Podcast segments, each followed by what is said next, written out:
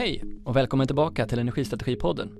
Här utforskar vi energimarknadens utveckling genom ögonen på de aktörer som är mitt i den.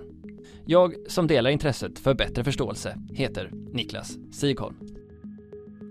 Att genomföra åtgärder som höjer fastighetsvärdet med 1,6 miljarder skulle glädja vilken fastighets-VD som helst. För det är just vad Jonas Tannestedt och hans gäng på Örebrobostäder har gjort. Samtidigt genomför de åtgärder som kan få betydande påverkan på hur stadsdelar delar energi mellan fastigheter och ger potential att kraftigt sänka både konsumtion och effektuttag. Kul att ha er med. Hej Jonas Tannerstad och varmt välkommen till Energistrategipodden. Tack så mycket Niklas. Örebrobostäder kommer du ifrån. Kan du berätta lite grann, vad är, vad är det för typ av företag? Ja, det är ett kommunalt fastighetsbolag i Örebro som äger ganska många lägenheter. 23 000 ungefär lägenheter. Och ett, ja, några lokaler, eller ganska många lokaler. Så. Varför började du jobba där? Det var för att eh, jag kände att jag betalade ett väldigt högt pris för mitt tidigare jobb där jag var utomlands mycket. Jag jobbar ju som utvecklingsingenjör inom industrin och hamnade mycket utomlands och jag hade precis fått eh, två barn innan de här tankarna eh, växte fram att eh, jag ville liksom följa dem mer under deras uppväxt. Och såg en annons i tidningen om att man sökte folk då till Örebrobostäder. Vad jobbade du med då? Jag jobbade med eh, som utvecklingsingenjör inom en eh, firma som heter Emba Machinery. De tillverkade maskiner för konvertering av wellpappark. Alltså man stoppade in wellpappark i ena änden. Så kunde man trycka tryck eller trycka hål i de här arken. Och ja, i princip allting, inte, nej förresten inte allting, men mycket gick till vinindustrin. Mm. Så jag var ofta i Australien och jobbade för, i Adelaide på industrier som var kopplade till vinindustrin. Så det var ett rätt så stort eh, kompetensmässigt hopp ändå att gå över till ett kommunalt fastighetsbolag i Örebro?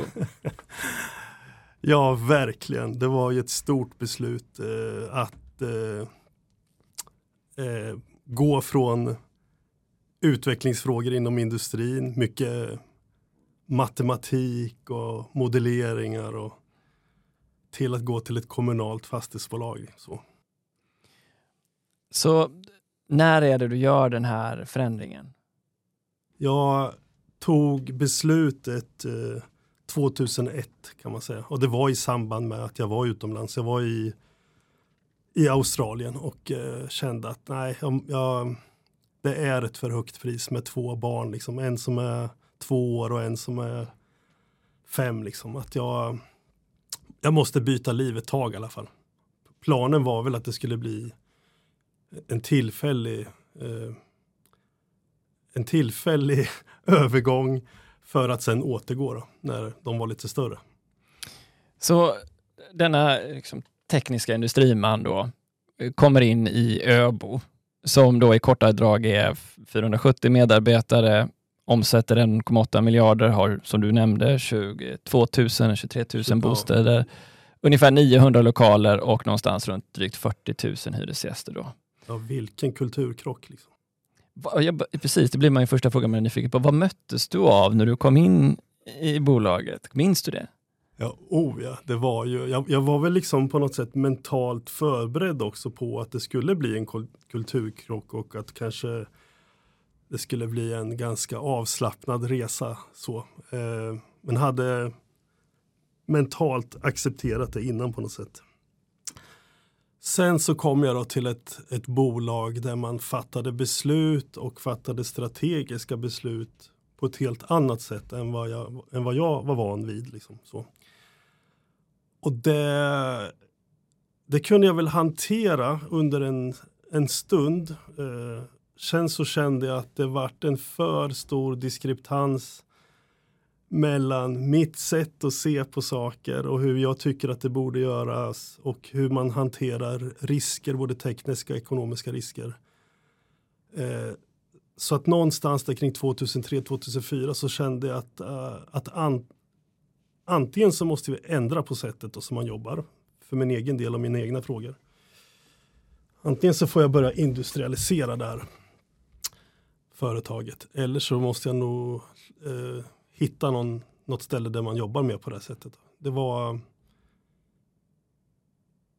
det var i, man hanterade inte frågor liksom på ett industriellt förhållningssätt kan man säga när det gäller utvecklingsfrågor och så. Man, man utgick ju från upphandlingar kring bitar, alltså man byggde hus, upphandlade hela ombyggnationer eller hela nyproduktioner eller så. Men man utgick inte från helheten, vad man ville med hela beståndet och där det tyckte jag var lite jobbigt under en period. Så. Ja, jag, jag, kan, jag förmodar här att en del av det du ville se var en tydligare faktadriven utveckling av hur beståndet skulle hanteras. Stämmer det? Ja, det, det kan man säga. Det, det stämmer att eh, jag ville att de beslut man tog skulle baseras på eh, en riskminimering utifrån helheten, liksom, med ÖBOs hela bestånd. Och, ofta på ett fastighetsbolag då, så, så tar man ju beslut om stora system som kan beröra hela eller delar av ens eh, bestånd. Och då är, då är ju det väldigt viktigt att, man, att det är faktabaserade beslut. Att man ser att det här funkar i det lilla men att det går att skala upp och funka i det stora. Att det innebär en riskminimering både tekniskt och ekonomiskt. Jag, när jag kom in 2001 så var det under en period då där man investerade i teknik som omfattade hela eller kom, skulle komma att omfatta hela bolaget. Men där man investerade i proprietära tekniska system vilket var eh, för mig en felaktig, ett, ett, felaktigt vägval och som mynnade ut i att en dag så kände jag att det var en för stor diskrepans mellan vad jag gjorde och vad jag ville göra så att jag förklarade för företagsledningen då att antingen så måste vi börja på en ny väg liksom, eller så, så får jag göra det liksom, någon annanstans. Så. Och du fick uppenbarligen med dem på den här resan till slut. Vad var det du då drömde om att skapa? Det, det var ju att eh, man kan säga att, att för mig så var det bilden av ÖBO som ett maskinutvecklingsprojekt. Att jag ville industrialisera ÖBOs bestånd. Jag ville se ÖBOs 22 till 23 000 lägenheter, ÖBOs eh, 600 hissar, 500 tvättstugor, 4 000 ventilationsaggregat och så vidare och så vidare. Eh, som delar i ett stort maskinbygge där vi ska optimera liksom, eh, systemfunktionen optimera användningen av de bränslen som maskinen använder i form av elenergi och värmeenergi och vatten. Eh, och jag var ju väldigt medveten om att jag kommer inte få ett beslut från någon som säger att här har du 60 miljoner kronor för att göra det här. Liksom. Utan jag måste lyckas bevisa det här i det lilla och samtidigt förklara det att gör vi det här så går det här att skala upp och vi kommer uppnå de här tankarna kring eh, det här maskinutvecklingsprojektet. Vad var nuläget då? Vad, vad, hur var situationen? Det var, vi var väldigt likt eh, må, många andra fastighetsbolag. Det, det fanns eh, teknik och automation men ofta löst för att lösa den lokala uppgiften ofta för ett hus med en värmeundercentral. I bästa fall så kunde det vara kanske för ett kvarter eller kanske i något fall då för ett mindre område där man har haft en tanke. så. Men det fanns ingen tanke kring vad man ville med helheten. Liksom. Att koppla ihop eh, eh hus till fastigheter, till områden, till stadsdelar och, eh, eh, och i förlängningen då eh, nå eh, visioner och tankar om stadsautomation. Liksom. Det, det, fanns inte med. så. Eh. Vilka, var de, eh, vilka var de första lyckade exemplen som blev iögonfallande för ledningen om vilken resa som hade påbörjats? Hade ni några sådana där ni hittade betydande gap? Absolut. Och, och då kan man väl säga att det gjordes ju i en kontext av att vi hade lagt ner mycket tid och energi på sånt då som för mig representerar motsatsen. Liksom. Vi hade haft eh, plågats av proprietära systemlösningar, eh, inlåsningseffekter, dyra licensavgifter och konstiga affärsmodeller där vi liksom bara fick eh, eh, betala för det vi hade och där vi kunde sitta i ändlösa möten och få förklaringar om varför saker inte fungerar och, och på ett sätt som eh, man kan säga kratta manegen för de tankar jag hade. Eh, och det gällde, i, då, I det här läget då så gällde det individuell mätning av vatten i lägenheter. Att vi skulle individualisera vattenförbrukningen och göra det mer villalikt. Och det krävde ju Eh, systemlösningar och automation på ett nytt sätt. Och det var väl egentligen första gången som vi liksom hämtade hem mätvärden och fick en kontakt med lägenhet in till centrala servrar. Så det skulle byggas ett hus. Eh, internt så kallades det huset för Mimerhuset. Det var ett samprojekteringsprojekt mellan Örebrobostäder och Mimer i Västerås. Och i Västerås fanns det ett öbohus. Och då så tänkte jag att här, nu eller aldrig, liksom, det här huset då skulle eh, bli färdigprojekterat 2004. Så då vädjar jag till Öborg att ni får ta den här risken. Vi byter ut den här, de här automationslösningarna som var inprojekterade och de här dåliga lösningarna som vi hade dåliga erfarenheter av till det nya. Vi hämtade teknik då från eh, industrin eh, och byggde upp det här huset på samma sätt som jag hade byggt maskiner så byggde vi upp huset. Vilka var de viktiga beståndsdelarna som du fick in? Ja, man kan säga att eh, den allra viktigaste beståndsdelen det är ju det styrsystem som styr värmeundercentralen och andra funktioner i huset då, som ventilation och sånt. Där man tidigare haft mycket olika lösningar. Min idé var ju att ha samma plattform för styrning av undercentralen, för undermätning av lägenheter, datainsamling av mätvärden, styrning av belysning och annat. Jag tänker, cloud hade ju inte ens kommit då på den tiden. Nej. Du måste nästan blivit eh, du, nästan en profet där i hur du såg att det här behövde liksom utvecklas som en gemensam plattform för allting. Det var ju väldigt tidigt bara med det. Ja, det var tidigt och det var inte på något sätt okontroversiellt.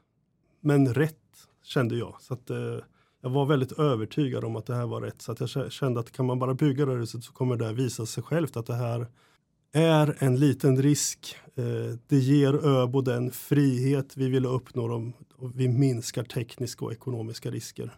Så det slutar ju med att Mimerhuset byggdes på ett sätt och Öbohuset i Västerås byggde på ett annat sätt. Vad var det ni tjänade på när du, när du kunde ha en individuell mätning av vattnet på ett mer villa-liknande sätt? Hur tjänade ni in den investeringen? Vi tjänade in den investeringen dels på att själva den tekniska systemlösningen var billigare än alternativet. Så att inköpskostnaden var lägre. Och det är mycket för att de här prylarna som kommer från industrin tillverkas i större volymer och finns i andra branscher. Och får en helt annan kostnadsbild. Som jag minns det så var det kanske någonstans mellan hälften och en tredjedel av kostnaden jämfört med alternativet. Sen så tjänar vi ju in det på att den här systemlösningen bygger på standardiserade programvaror som kan återanvändas. Ungefär som man bygger andra saker, bilar och annat. Det gör ju att med takt så minskar ju ingenjörstiden liksom, i form av programmering och kvalitetssäkra programkod och så. Eftersom våran plan var ju att återanvända det här och förfina om och om igen och äga liksom eh, mjukvaran. Eh, li lite likt som appar i en iPhone kan man säga, eller en annan smartphone. Att eh, ta fram de här apparna, ladda ner dem, eh, återanvända dem. Så det gjorde ju att ingenjörstiden minskade ju också. Och sen kanske e-, en annan sak då som våra ekonomer reagerade på, som jag kommer ihåg, var ju att eh, vi kanske innan hade en anställd per tusen lägenheter för att drifta de gamla systemen. Den tiden försvann liksom, för att det är så det är en helt annan nivå, liksom, en helt annan kvalitet. Och så. Vid den här tidpunkten så hade ni också ungefär, om jag är rätt informerad, 60 GWh el i konsumtion och ungefär 200 GWh värme. 234 kanske? 234 mm. till och med.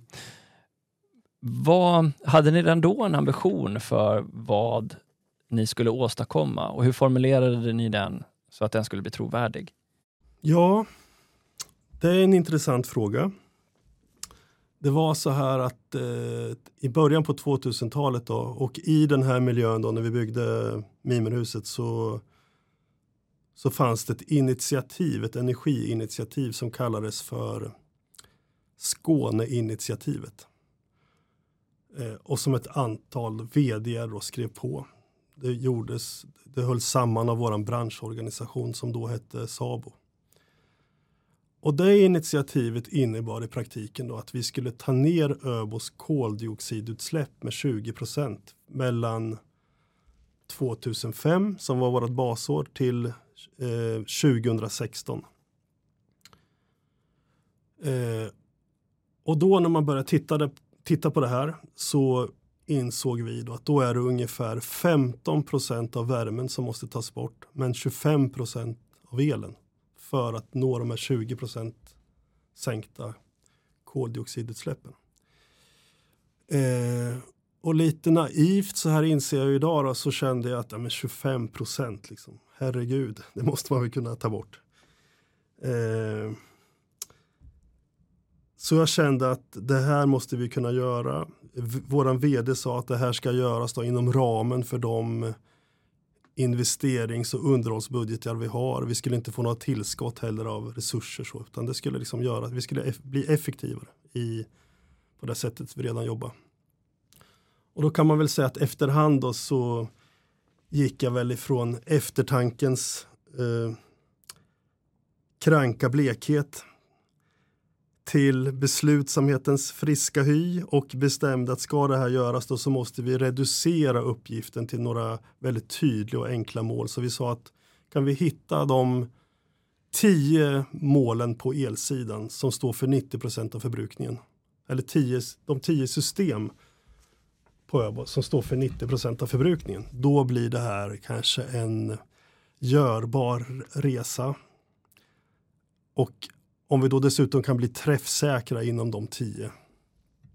Det var en ganska enkel strategi kan tyckas här, men den fungerar ju så att vi hittar de tio. Vi kände oss säkra i att de stod för 90 procent, de stod för 90 procent av de här 59,7 GWh. Eh, den här förbrukningen. Och sen då så startade den stora utmaningen eh, och det var ju att eh, få med liksom eh, alla i det här. Så, så det var väldigt mycket eh, visualisering och eh, att få andra att se de här tiderna som vi gjorde på olika sätt.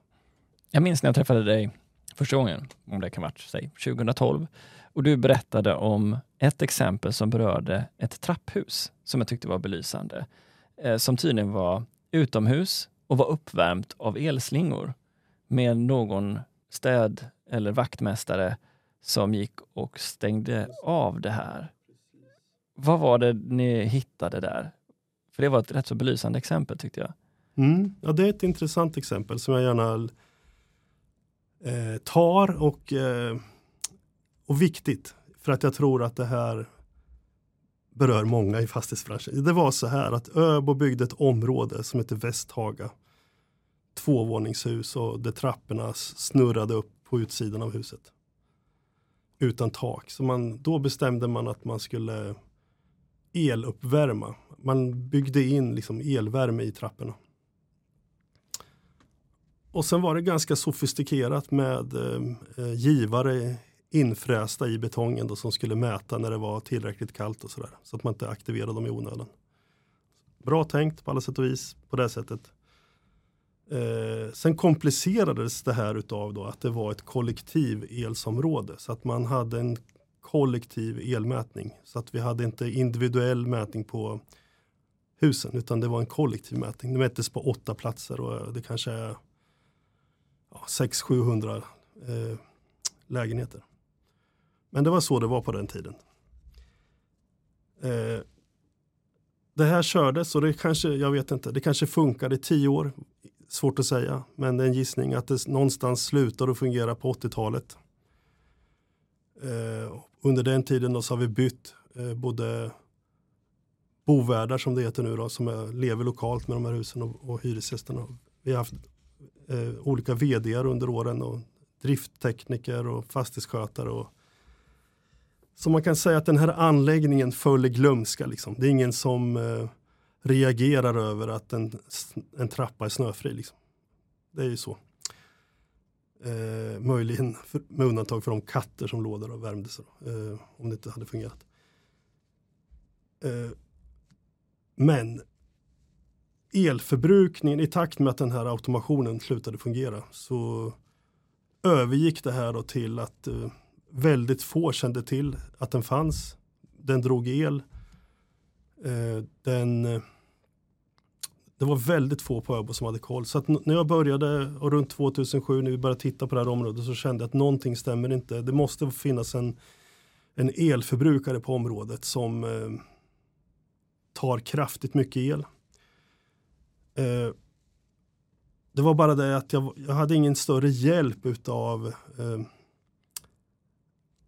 de intervjuer jag gjorde, för det var ingen som visste. Det var, eh, det var egentligen bara en fastighetsskötare som hade till uppgift att slå till en knapp som satt i ett, el, eller ett affärscentrum i källaren. Som slår till hela den här anläggningen. Då. Och då så sa han till mig att jag brukar slå till den i, i september och så brukar jag slå av den i april. Liksom. Han hade ingen aning om värdet och eh, klimatavtrycket av den här knappen. Då. Som eh, det står ju för en, alltså en energikostnad på Öbo totalt sett på över en miljon. Liksom. För man slår till ja, över hundra trappor i området. Och sen så slogs jag av då att när, jag, när bilden klarnar för mig om läget och jag frågar då initierade på Öbo som borde ha koll på förbrukningen så, eh, så var svaret nej men det, förbrukningen är normal. Liksom. Det är samma förbrukning som vi haft innan så att det, och det är så man jobbar. Liksom. Man tittar på förändringar. Har man inga förändringar, har man haft ett fel som kanske har varit i 15 år, då är det en normalförbrukning. Liksom. Men då var du alltså inte i ett läge där du kunde titta på förbrukningen och identifiera alls vad det var det rörde sig om, utan du fick jaga med intervjuer? Jag fick jaga med intervjuer och jag fick eh, övertyga Öbo Eh, mina chefer att investera i en termografikamera liksom, som man inte hade ägt förut. Då. För att visualisera problematiken. Liksom. Att den här trappan som är snöfri, den är inte det utan anledning. Och sen kombinerade kombinera det med eh, siffror, liksom, vad det här innebär i energiförbrukning, vad det innebär i kostnader att det, det, var, det var liksom långt billigare att skotta dem för hand liksom, och hyra in de tjänsterna än att värma upp dem. Så det här var ett av de exemplen som ni antar jag fick jobba er igenom. Hur gick det med den här resan och dina 25 procent till 2016? Det gick över förväntan. Vi identifierade tio områden, väldigt tydliga områden och väldigt eh, självklara kan man tycka så här i efterhand för oss och för andra fastighetsägare. Det handlar ju om tvättstugor och belysningar och motorvärmare och ja, ventilation. Antar Ventilation, ja egentligen ganska självklara saker. Men eh, eh, som vi, var, vi kände oss att vi var tvungna att beta igenom det här och det är tvunget att göras baserat på riktig kunskap. Inte nyckeltal utan vi måste göra våra egna mätningar. De mätningarna måste skalas upp till helheten och sen får det ligga till grund för beslut. Så de här 25 procenten vi skulle ha nått till 2016 passerade vi. Så att vi passerade den, vi klarade 40 procent. Eh, och vann på vägen Dagens Industris e-price för det här sättet och tycker jag, ganska enkla förhållningssättet att liksom fokusera på rätt saker och, och inte se det som ett årligt projekt utan vi såg det som en mångårig process. Liksom. Då blir man nyfiken, hur gick det på värmesidan då? Den skulle ju också ha betydande besparingar. Hur gick det? Ja, det, det var nog så här att vi, vi la nog ganska mycket kraft liksom, internt kring eh, elen. Vi hade inte riktigt samma utveckling kring värmen. Och sen så var nog det också så att i kombination med att eh, det var det svårare att hantera värmen. Så. så någonstans där kring 2014, kanske 2015 så kände vi att vi, den här lutningen då som vi hade på kurvan på elsidan som var ungefär en miljon kilowattimmar per år. Den var vi väldigt trygga i att den har varit och den kommer att fortgå. Liksom. Så nu kan vi börja titta på värmen. Och då var ju ett av de viktiga besluten som vi tog var ju att eh, en, en storskalig utrullning av de här eh, automationsplattformarna.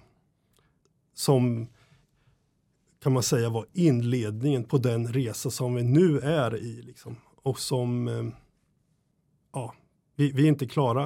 Eh, vi, vi, målet är att nå 30% sänkning ungefär till 2029. Nu har vi nått ungefär 21,5. Vi nådde inte riktigt 15 2015. Men däremot så känner vi oss trygga i nu att eh, vi kommer att klara det framåt. För att vi har, det har liksom utkristalliserat sig vad det är vi ska göra. Liksom. Om vi snabbspolar bara till där ni är idag. Vi, vi pratar snart om alla de saker som kom sen efter det här 2016 och hur ni byggde den här maskinen. Men hur långt har ni kommit idag om man ser den totala besparingen på energisidan och på värmesidan? Mm. Någonstans, alltså i pengar runt eh, någonstans mellan 82 och 85 miljoner per år är ju den uppgift jag har. Eh, som är ett, en besparing då på driftnettot. Eh, eh, och det är ju mycket pengar, jättemycket pengar. Eh, och någon gång så sa en finanskille på Öbo att det motsvarar ett höjt fastighetsvärde på 1,6 miljarder som är direkt kopplat till det här arbetet. Och med mina då begränsade kunskaper i fastighetsekonomi så sa jag till honom att eh, ja, det är väl kul liksom, men det har väl ingen större betydelse innan vi säljer. Men då menar jag, nej men så är det absolut inte, utan det har betydelse varje dag liksom, för att de Öbo lånar pengar fram och tillbaka och då är fastighetsvärdet en stor del. Så att det har ju fått eh, man har ju liksom vaknat inför vad viktigt det här är och att det finns ingen motsättning mellan att energieffektivisera, minska klimatavtryck och vad, skapa affärsnytta. Liksom. Utan tvärtom. Om vi backar tillbaka då till ja, men det här exemplet med trappan som du inte kunde hitta om du inte hade liksom, stött på den här killen som slog på eller av knappen. Vad, vad är det ni har installerat för att bygga det du kallade för i början en maskin? Vad utgår det ifrån? Det utgår i mångt och mycket från samma grundprinciper som jag hade när jag jobbade innan jag kom till Öbo. Och det handlar ju om, för mig handlar det mycket om reverse engineering, att göra saker enklare. Så i många fall handlar det om att stänga ner saker i den här maskinen som inte behöver vara där. Går det så gör vi gärna det. Liksom. Man behöver inte bygga julgranar och automatisera i onödan. Så. Det, gör, det, gör, det, kan göra det komplicerat och speciellt om man ska bygga en jättestor maskin så är det viktigt att göra det enkelt. Så att, en del var ju att eh, stänga ner och göra saker enklare. En annan central del i det här bygget är ju att automatisera på ett sätt som håller för omvärldsförändringar och där jag känner att eh, vårt plattformsbygge eh, håller för ändrade affärsmodeller hos energibolag och annat. Att vi, vi reducerar det här till en mjukvaruuppdatering kan man säga. Det blir ganska odramatiskt, man sover bättre på nätterna. Eh, vi kan hantera de här eh, svängningarna som sker i omvärlden och jag kunde väl inte 2004 när de här första tankarna tänktes då jag såg ju inte det här som har hänt sista åren nu komma liksom. Men nu är vi ju oerhört tacksamma att vi eh, har den, den här plattformen som, vi, som utgör själva grunden i maskinbygget kan man säga.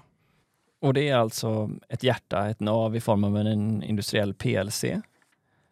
Precis. Och, eller, och så har ni egen mätning på elen eller berätta lite grann hur, hur själva bygget av, av den här plattformen ser ut. Det är egentligen en ganska enkel tanke. Vi vill helt enkelt byta ut den centrala delen av styrningen i ett hus och bygga en plattform för många av de behov som vi har. Alltså det är dels att hantera den fjärrvärmen som vi köper, som i vårat fall är flera hundra miljoner. Det blir liksom viktigt att eh, styra våra hus på rätt sätt med, med givet den stora mängden. Så dels vill vi skapa optimala förutsättningar för att styra fjärrvärmen. Och då tycker vi att då gör vi det med industriellt öppna system där vi kan anpassa oss väldigt enkelt. Dels så vill ju vi, vi har ju massa andra behov. Individuell mätning av lägenheter är ett sådant exempel. Dels så ville vi avdramatisera det här med individuell mätning. Man behöver ju inte köpa ett individuellt mätningssystem från någon utan det går ju att addera till det här. Och det går att avdramatisera det.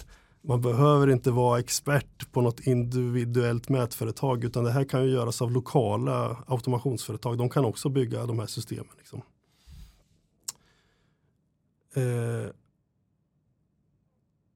så effektivisering, han, användningen av den här centrala hjärnan och en kraftigt ökad användning av eh, hantering av data. Liksom. Vi, vi, det här är ju det stället då där vi tar in mätdata ifrån så många system som möjligt. Det är från ventilation, fjärrvärme, lägenheter, lägenhetstemperaturer, belysningsanläggningar och får ju liksom ett underlag för att fatta datadrivna beslut och i många fall då eh, AI-stödda eh, datadrivna beslut. Ja, just det. Jag fick ju faktiskt en lista av dig. Det är, det är massvis med saker här som ni kombinerar. Det är utetemperatur, fjärrvärme i realtid, koldioxid, lägenhetstemperaturer, vindhastigheter, soleffekter. Det är VVC-förluster, effekter och, och, energi i lägenhetsvärmen, prissignaler från energileverantör. Det är, ni samlar allting på e- en och samma plattform, om jag förstår det rätt. Ja, på samma hårdvaruplattform även om mjukvaran kan bytas ut. Och det var ju ett annorlunda sätt att, eh, att hantera automationslösningar eh, från början. Nu känns det ju självklart så här med perspektiv men det har ju inte på något sätt varit okontroversiellt genom åren och så. Och, eh, men nu är det skönt liksom att eh, vi gjorde det här. När började du se hur ni skulle kunna börja aggregera de här olika fastigheterna? Att gå från en till flera och behandla dem som en helhet? Det kan man säga startade med jag, jag liksom befann mig i en miljö där jag dels såg de här möjligheterna med industriell automation samtidigt då som det sattes i händerna på mig att jag skulle leda arbetet med att rulla ut eh, bredband till våra eh, hyresgäster. Och för mig så vart ju det här hjärnan, den här plattformen i husen. Eh, och bredbandet vart ju på något sätt då nerverna eller kommunikationen i maskinen. Liksom. Det, var, det såg en möjlighet där. Eh, så en möjlighet att eh, ha överordnade system centraliserat givet den bredbandsplattform vi skulle bygga upp. Då. Och hade ju möjlighet då att eh, hantera den frågan i bredbandsprojekten att det var inte längre bara lägenheterna utan ett huvudprojekt i det här var ju att se till att alla automationsskåp och hissar och sånt fick eh, eh, alltså kommunikation över bredbandet. Så, så där någonstans. Jag kan inte på något sätt eh, påstå att jag såg allting det som vi gör nu komma med AI och annat utan det har ju växt fram över tiden men men det jag kan påstå det är ju att den här plattformen håller ju för det, för det som vi tyckte var huvudtanken. Det är ju att eh, den är som gjord för en förändlig omvärld och innovation. Liksom. Längs hela den här resan, hur, hur gick relationen till energibolaget? Hur, hur fungerade samarbetet? Hade de någon roll i det här? Eller hur såg ni på det? Ja, om jag börjar med värmesidan då. Eh, det kanske är där vi har haft mest kontakt just kring de här tankarna. Så kan man väl säga att eh, vi uppfattar ju att vi hade mycket tankar och idéer om vad vi vill göra på en aggregerad nivå som man inte riktigt eh, förstod ifrån början. Man hade inte riktigt den här domänkunskapen och kanske inte så möjligheterna heller med aggregerade förmågor så eh, tidigt. Eh, så det var ganska mycket diskussioner fram och tillbaka med fjärrvärmeleverantörer lokalt och, och även branschrepresentanter liksom för det här. Då, där vi försökte förklara vad vi gjorde och varför och vad vi ville göra. Och, eh, så. Eh, och kanske oftast möttes det av eh, tanken att ja men det kanske vi kan göra tillsammans men vi vill göra det på vårat sätt och med våra affärsmodeller. Och vi vill göra det här på våra förutsättningar och ha ett tekniskt och juridiskt gränssnitt mot till exempel fjärrvärmeleverantören. Så att ja, det har varit många diskussioner liksom. Så. För jag menar, det är ju, jag tänker att en av utmaningarna här i diskussionen måste ju, antar jag också, ha varit att en stor del av det jobbet ni gör, nu har vi inte kommit till effektfrågan än, men, men den stora ändå reduktionen av energi på både fjärrvärme på elkonsumtionen eh, motverkar ju grundaffären för ett energibolag som handlar om att sälja just de nyttigheter som du kraftigt reducerar. Har det varit liksom en, en, en problematik i det här? Det har, det har, det säkert varit, även om det kanske inte alltid är uttalad. Liksom. Det är väl något, en bild som har växt fram när förståelsen ökar för hur de bygger affärsmodeller och vad som är viktigt för dem. Liksom, så. Vad hade du behövt för, eller vad hade du önskat av ett energibolag? Vad hade varit den optimala partnern om du hade fått välja? Nej men det är ju en motpart som förstår eh, våra visioner och ambitioner att bygga den här jättestora maskinen där vi vill optimera användningen av energi och där vi samtidigt då vill uppnå systemperspektiv. Vi vill flytta systemgränser för vi ser att det är möjligt. Liksom. Och vi vill få in produktionen av fjärrvärme innanför den systemgränsen. Och sen att man då tillsammans eh, ser det här, att det ger ju klimatnyttor och ekonomiska nyttor för båda. Liksom. Eh, och att man anstränger sig liksom, för att göra det här så bra tillsammans som möjligt. Det hade jag tyckt varit den optimala partnern. Om, det, om det första steget för er var att hitta och minska onödig konsumtion, så blev steg två att också börja bli en egen producent. Men ni var inte så snabba ute med solceller. Hur såg det steget ut att gå från att vara enbart en konsument till att också bli en producent av energi? Vi var sega eller långsamma med att producera energi. Så är det. Eh, och det var nog mycket för att eh, att man tänker på det här sättet som jag beskrivit. Att man vill, alltså de lösningar man vill göra vill man ju se håller liksom för inte bara den lo lokala uppgiften på huset utan det ska hålla även för den aggregerade uppgiften eller den stora maskinen. så. Det var i alla fall en del i. Jag ser ju mycket som det jag gör på dagarna är ju att välja maskindelar. Liksom. Eh, och solceller, kraftelektronik, energilager till solcellerna är ju en del av bygget. Det var väl ni började känna att de här bitarna föll på plats liksom. och att samtidigt som att ekonomin blev bättre som det blev aktuellt att eh, genomföra eh, installationer. Så. Det blir en annan fråga som slår mig, det här med att eh, upphandla och driva entreprenader när du har det här tankesättet om att ett hus ska passa in i en större helhetslogik det måste ju också påverka vilka leverantörer som kan offerera. Hur, hur har det fungerat för er att men, avgränsa er upphandling och därmed också vilka som kan leverera baserat på en, en helhetslösning som kanske inte har med det enskilda huset att göra utan med beståndet som helhet? Om du förstår vad jag menar? Absolut, jag förstår vad du menar. Det har ju varit en utmaning för att mycket saker baseras ju på kultur och om hur man uppfattar sig som upphandlare i en miljö. Så. Eh, och att man kanske inte får ställa tekniska säkra. Det, det var i alla fall lite förutsättningarna för mig. Man kan säga 2007 då vi började göra uppskalningar av eh, de här tankarna och då vi handla, hamnade i rättsliga processer där man då tyckte att ÖBO får inte vara så här tydlig att det är inte förenligt med LOU, att vara så här tydlig och samtidigt vara eh, ställa de här tekniska särkraven. Då. Tekniska särkrav som var nödvändiga för det stora bygget. Liksom.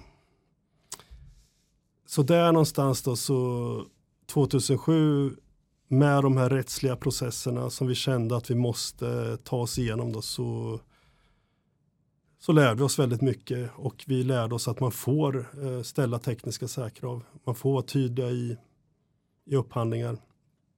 Bara man är tydlig mot alla. Man har rätt att bygga en stor maskin helt enkelt. Det var det juristerna sa. Bara vi talar om för alla att vi ska bygga en stor maskin, så kan man väl säga. Så även, även när ni installerar eh, nya solceller sig, eller batterier, för det har ni också för sammanlagring, mm då ställer ni också särskilda krav på hur den här, de här mm, tillgångarna eller assetsen ska kunna kommunicera för att också passa in i helheten. Hur utnyttjar ni nu det faktum att ni både är en producent och, en, och, en, och har lagringsförmåga i maskinen som helhet? Vad tillför det för värden för er nu? Det gör vi på olika sätt. Man kan ju säga att det här har ju varit en lång resa där vi lärde oss eh, för några år sedan då, eh, hur, hur, vi tycker att det här ska göras. Och det, det slutade ju med att vi har byggt anläggningar med produktion, lagring och delning av energi. Där vi har fått dela energi, där vi inte har eh, ja, där vi helt enkelt har varit undantagna från koncessionslagstiftning. Där har vi gjort det och det har ju visat för oss själva att det finns ett värde i att bygga den här typen av system som lagrar, eller förlåt, som producerar, lagrar men också kan dela eh, energi. Det, det, finns ett värde i det. Och det har, det har ju liksom blivit eh, det nya, det nya normala sättet att bygga öbohus på. Så det gör vi alltid så fort vi kan kan man säga. Och det vi också insett det är ju att eh, det här är ju plattformen kan man säga för att bygga stadsdelar. Så vi har tagit med oss den här kunskapen då till Örebro kommun och sagt att det, nu är det läge. Liksom. Det finns eh, beprövad erfarenhet, tekniken finns. Nu är det bara att man måste våga ta det här steget att bygga stadsdelar som gör det här. Och det får ju, det får ju olika värden. Då. Dels så får det ju värden för oss fastighetsägare för att vi kan använda mer egenproducerad energi. Och vi kan använda energi som en fastighetsägare har producerat men som via delningsmöjligheten används av en annan. Det, det, ger ju möjligheter också att ingå i en rad systemtjänster som samhället vill ha till exempel. Svenska kraftnät vill ju åt frekvensreglering och man eh, vill ju åt flexibilitet till exempel. Det kommer ju ta tid att bygga ut produktion och kraftledningar. Alltså så blir det ett fokus på att eh, ha så smarta slutanvändare som möjligt. Och här kan vi visa att det inte bara hus utan det kan vara fastigheter, kvarter och hela bostadsområden som utgör den här, de här smarta funktionerna och de här flexibla, eller som bidrar med flexibilitet. Hur stor potential finns i det? Har ni gjort sådana skattningar om vad den här tredje steget och delning som du kommer in på nu kan, kan ge er? Ja, vi, det vart liksom ett måste för att kunna visa det här för Örebro kommun och för att kunna föra diskussioner med eh, de fastighetsägare eller byggare som ska bygga. De vill ju ha ett underlag. Liksom. Så att vi visade, vi, vi flyttade ett, en 600-700 lägenheter virtuellt till det här området och tittade på hur de använder energi på det vanliga sättet kan man säga och effekt. Och sen la vi på eh, eh, energilager, solceller och delning på det området och se vad, vad det skulle innebära. Och då, och då, då framkommer det liksom eh, siffror och resultat i de här förstudierna då, som är tillräckligt intressanta för att man ska våga starta ett sånt här stort projekt. Då. Men man kan säga att I Tamarinen så tror vi att vi kanske kan producera någonstans mellan 30 och upp till 40 procent av den energianvändning som vi behöver. Men att effektuttaget kan minskas till 50 procent jämfört med om man hade byggt ett normalt område. Ja, det är ju rätt betydande. Det är betydande siffror och viktigt, viktiga insikter i ett läge då, då det börjar råda effektbrist också. Liksom, där man, vi ska öka effektuttaget, det ska tillföras eh, elbilsladdning och, och annat. Och då är det då är det bra att kunna bygga stadsdelar som halverar effektuttaget. Så då kan du bygga två stadsdelar med samma effekt? Då kan man bygga två stadsdelar, precis. Men eh, det här med att bygga energigemenskaper nu då? Det är ju inte riktigt eh, klart hur man får. Var går gränsen för vad som är koncessionspliktigt nät och inte? Och får man koppla ihop, hur, hur, många, hur många fastigheter måste man, eh, eller får man koppla ihop innan det blir ansett vara ett eget elnät? Ni har pushat den här frågan framåt och också hamnat hos Energimarknadsinspektionen för att avgöra det här. Kan du berätta lite grann om, om den resan och, och vad ni har lärt er hittills? Man kommer ju till en insikt om att eh, det här är det nya normala. Och att det här är rätt att bygga fast det är olagligt. Och då på något sätt så måste man ta ställning till om man ska driva det här och fortsätta göra det fast lagen säger att man inte får. Liksom. Och det var, det, det var ett beslut att man, vi gör det här för att det är det rätta även om det inte har lagligt stöd, och stöd i alla delar. Och då så har vi fått lobba väldigt mycket lokalt med politiker, med tjänstemän på Stadsbyggnadskontoret och Energimarknadsinspektionen och Energimyndigheten och generaldirektörer. Och, och det slutar väl med att vi, vi, vi fick en timma då med den dåvarande energiministern Anders Ygeman och där vi förklarade här liksom, varför det här är viktigt för Sverige och så. Eh, och det kan ha haft en, en bidragande effekt till att man då förra året ändrade lagstiftningen. Så att nu får vi ju producera, lagra och dela energi inom en fastighet. Och lite beroende av hur man tolkar den lagstiftningen så, så kan man också hävda att man får göra det mellan fastigheter. Men vi är inte riktigt eh, överens om tolkningarna kan man säga. Eh, vi och eh, energibranschen. Så, vi, så för att få det här avgjort och så lämnade vi in en ansökan om ett bindande besked från Energimarknadsinspektionen i maj förra året. Och de behöver ha 11 månader på sig för att utreda det här ärendet. Så vi förväntar oss ett beslut i april i år. Och då hoppas vi att de eh, att, att de fattade ett sådant beslut om att det här är ju det nya sättet. Liksom. Eh. Ja, för i det här området Hamarinen så samarbetar ni med flera fastighetsbolag. Särneke, Tornet, Magnolia, det finns ju flera. Hur har de resonerat eh, i den här frågan? Har de...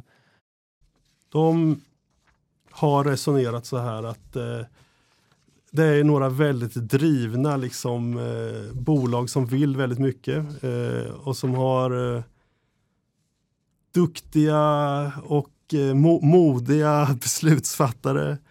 Och där, och där de ser att det här är ju liksom eh, framtiden i den här stora energiomställningen som sker så måste man ju bygga hus, kvarter och i slutändan områden då, där man producerar, lagrar och delar mer för att avlasta trycket på nätet. Så, man, man då, så vi har väl tagit en gemensam risk kan man säga. Eh, vi har försökt att minimera de riskerna genom beräkningar och utredningar och sådär. Men visst finns det en risk i det här om, om eh, Energimarknadsinspektionen och säger att det här, så här får ni inte göra. Vad har, vad har branschens argument varit för att ni inte ska få skapa ett, eh, ett likströmsnät som det är i det här fallet? Ja, jag kan ju säga så som jag uppfattar det. Liksom. Så är ju branschens argument för att eh, inte ska bygga den här typen av anläggningar. Och att det finns en lång tradition av att bygga kraftledningar med eh, produktion i ena änden eh, och sen långa, långa kraftledningar och överföringar då från norra Sverige i många fall till södra Sverige. Och där man då har byggt upp den här systemtänket då på koncessionspliktiga nät då i andra änden på de här näten eller de, de här eh, överföringarna för att liksom få ordning och reda på det, att någon håller, att det här byggs på rätt sätt och så. Så där, där känner jag ett argument som används. De tänker väl att det här kommer kan, det kan bidra till att man eh, splittrar den, den här grundtanken då, som var lite grunden för det gamla sättet att bygga energisystem. Samtidigt så ser ju vi liksom hur den här omställningen som sker i samhället eh, bygger på mer lokal produktion och lagring och möjligheterna med delning om man nu skulle få det. Så. Och ger ju stora värden. Liksom. Säg att den här lagstiftningsproblematiken inte var, fanns, eller Energimarknadsinspektionen går er till mötes och säger att ja, men varsågod, gör det i hela Tamarindet. Hur tekniskt möjligt eller svårt skulle det vara för er att bygga ihop hela stadsdelen i ett nät, förvalta det själva som du ser det och dela energi? Ja, det är väldigt lätt. Alltså, I just Tamarinden så består ju den stora delen av det här DC-nätet då, eh, som man ofta pratar om. Det består ju av de DC-nät som byggs på respektive fastighet och som är helt lagliga. Liksom. Sen är det en liten snutt liksom, som ska byggas mellan fastigheterna. Eh, 300-400 meter kanske i det här fallet. Eh, det, är en, det är en vanlig elkabel. Så det ska kopplas in i elskåp och bli gränssnitt mot de här lokala. Så tekniskt sett är det inte speciellt svårt. Sen så måste man ju lösa själva formen för att hantera den här interna handeln med energi och vad det ska vara för en juridisk person, om det ska vara en enskild eh, eller om det ska vara en samfällighet och sådana där grejer som vi håller på att titta på. Eh, men det måste vi lösa, tänker jag. Så. Är, det, är det någon särskild eh, förutsättning som gör det möjligt att göra det här för att det här området är nytt? Eller skulle ni kunna applicera exakt samma tanke på redan befintliga stadsdelar?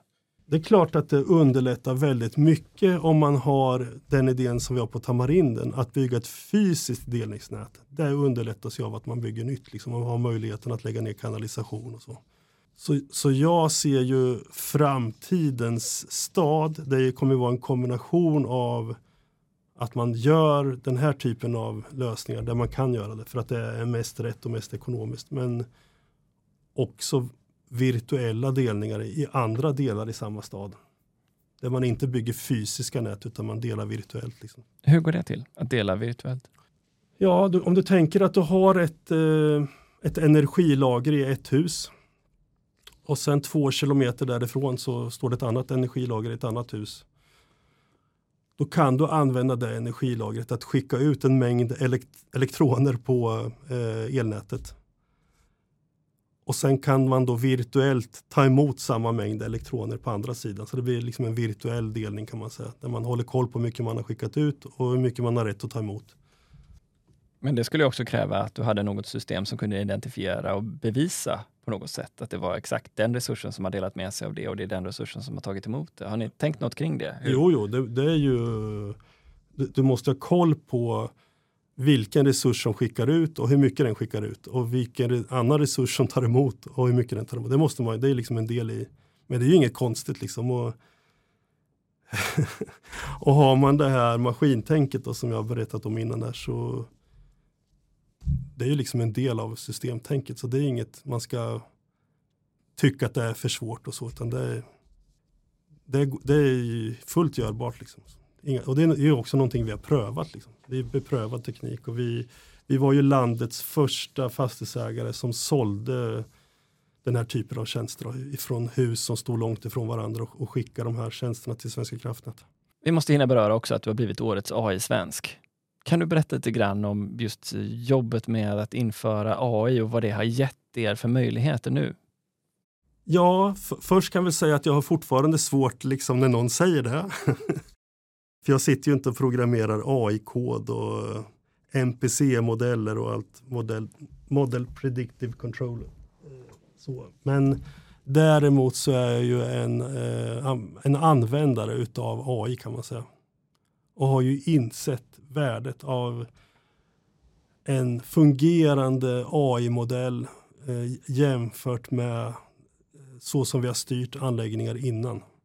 Och både det ekonomiska värdet och eh, klimatvärdet kan man säga. Så att det, eh, det, är någon, det här är någonting vi använder. Vi rullar ut det här storskaligt i en massa undercentraler. Vi ser ju effekten av det. Vi ser ju besparingar på mellan 8 och 18 procent eh, när det gäller värmeförbrukningar. Plus att det då kommer med en massa annan viktig, viktiga möjligheter. Då. Givet all den data som vi får tillgång till och så inser vi att vi, vi kan ju fatta en massa andra beslut och samtidigt som vi sparar energi. Liksom. Så om man bara knyter ihop det med exemplet med trapporna där du var tvungen att gå ut och fråga den här mannen. Vad, hur fungerar det felsökningsarbetet nu med stöd av AI istället? På vissa ställen då så har vi ju det här stödet liksom och det blir ju ett stöd 24-7. Alltså huset är ju den som vet mest om sig själv. Det är någon man eller kvinna som sköter huset. Vi kan ju inte vara i närheten av det. Så att, eh, eh, det, det, blir liksom nästa stora revolution kan man säga. Att hantera all den data som, vi redan, som redan finns inbyggt. Och göra det på rätt sätt. Och det finns ju olika sätt att göra det på givetvis. Ett sätt då som vi vill göra det som vi vill göra där på, förutom användningen av AI, det är ju att gå mer mot talade gränssnitt. Att man ställer frågor till huset och får muntliga svar. Liksom så. Som ett första led i felsökning. Och så. Men visst är det så också att du inte behöver, behöver bygga ut lika många mätpunkter om du kan använda AI för att plocka ut enskilda signaler på en punkt? Exakt. Förändrar det här också den, så här, den tekniska julgranen? Du vill ju förenkla. Ja, jag vill förenkla och göra det så enkelt som möjligt. Och få använda den data vi har på ett så bra sätt som möjligt. Så ofta blir ju mätsystemen ganska enkla men den matematiska analysen kan ju vara mer eh, omfattande. så. Men det är, det är det datorer är bra på. Liksom. Men om vi sammanfattar det här då, alltså 50% energibesparing nästan, är det väl? Ja, mer än 50. Mer än 50 procent. Ja. I alla fall på det nya området en 50% i effektreduktion dessutom. Eh, och därtill lika då 8 till 18 procent besparingar på fjärrvärmesidan. Är ni klara där? Eh, eh, för det är redan betydande. Nej, Vart är det, nästa nej, mål? Det är vi inte, nej, då, det är vi absolut inte. Och, och, det känns ju skönt liksom att ha gjort det här för att då vet ju vi att vi på goda grunder kan säga att vi kan ta det här ännu längre. Det, det är svårt att säga ett, en exakt siffra. Men jag skulle gissa att vi kanske kan ta över till en drygt 60% sänkning. 63 kanske utifrån det jag ser nu då. Och 30% på fjärrvärmen. Nu tog det dig, jag ska runda av alldeles strax, men nu tog du, har ju tagit, det här har ju varit en resa som har pågått i snart 20 år på Öbo. Men du får ändå den här hypotetiska frågan om det. Om du fick ett team, en grupp och en pott pengar och vi anser att det är bara en pytteliten del av det här 1,6 miljarder i anläggningsvärde som, som fastigheten har ökat. Hur lång tid skulle det ta för dig att exempelvis ge dig i kast med en annan stor liknande kommunal bostadsutvecklare för att nå en stor del av det värdet som ni har nått idag, givet hur ni har kunnat standardisera? Ja, det är en jättebra fråga som är eh, inte bara avhängigt på eh, ekonomi och så, utan det är också de förutsättningar som finns med alltså resurser i form av leverantörer kan man säga. Och de begränsningar som kan finnas. Men vi har hållit på länge. Eh, jag är ju helt övertygad om att skulle man göra om samma resa på Öbo så skulle man kunna göra den på några år. Liksom. Eh, och, det är ju möjligt om man har alla eh, saker på plats. Liksom, eh, så är det möjligt. Och jag känner mig också väldigt trygg i det, att det, att det blir så här. Liksom. Det är ingen stor risk även om man då bygger om hus för hus. Liksom. Ja, det är svårt att säga, fem, sex år kanske jag skulle säga. Den stora förflyttningen, jag tänker att den här kunskapen sprider sig snabbt i fastighetsbranschen nu. Märker du att det är många som vill applicera samma typ av metod nu? Ja, det gör jag verkligen. Eh, vi, vi får ju väldigt mycket förfrågningar så, på ett sätt som vi inte riktigt, eller vi är inte riggade för att hantera det helt enkelt. Vi är ett fa kommunalt fastighetsbolag som ska hantera ÖBO men vi får väldigt mycket frågor om eh, det här maskinbygget liksom, och den här mentala förflyttningen som man måste göra och hur man ska tänka och hur man ska fatta beslut. Ja. Jonas, tack så hemskt mycket för att du tog dig tid att komma till Energistrategipodden. Tack, det var jättekul att få vara här. Tack så mycket.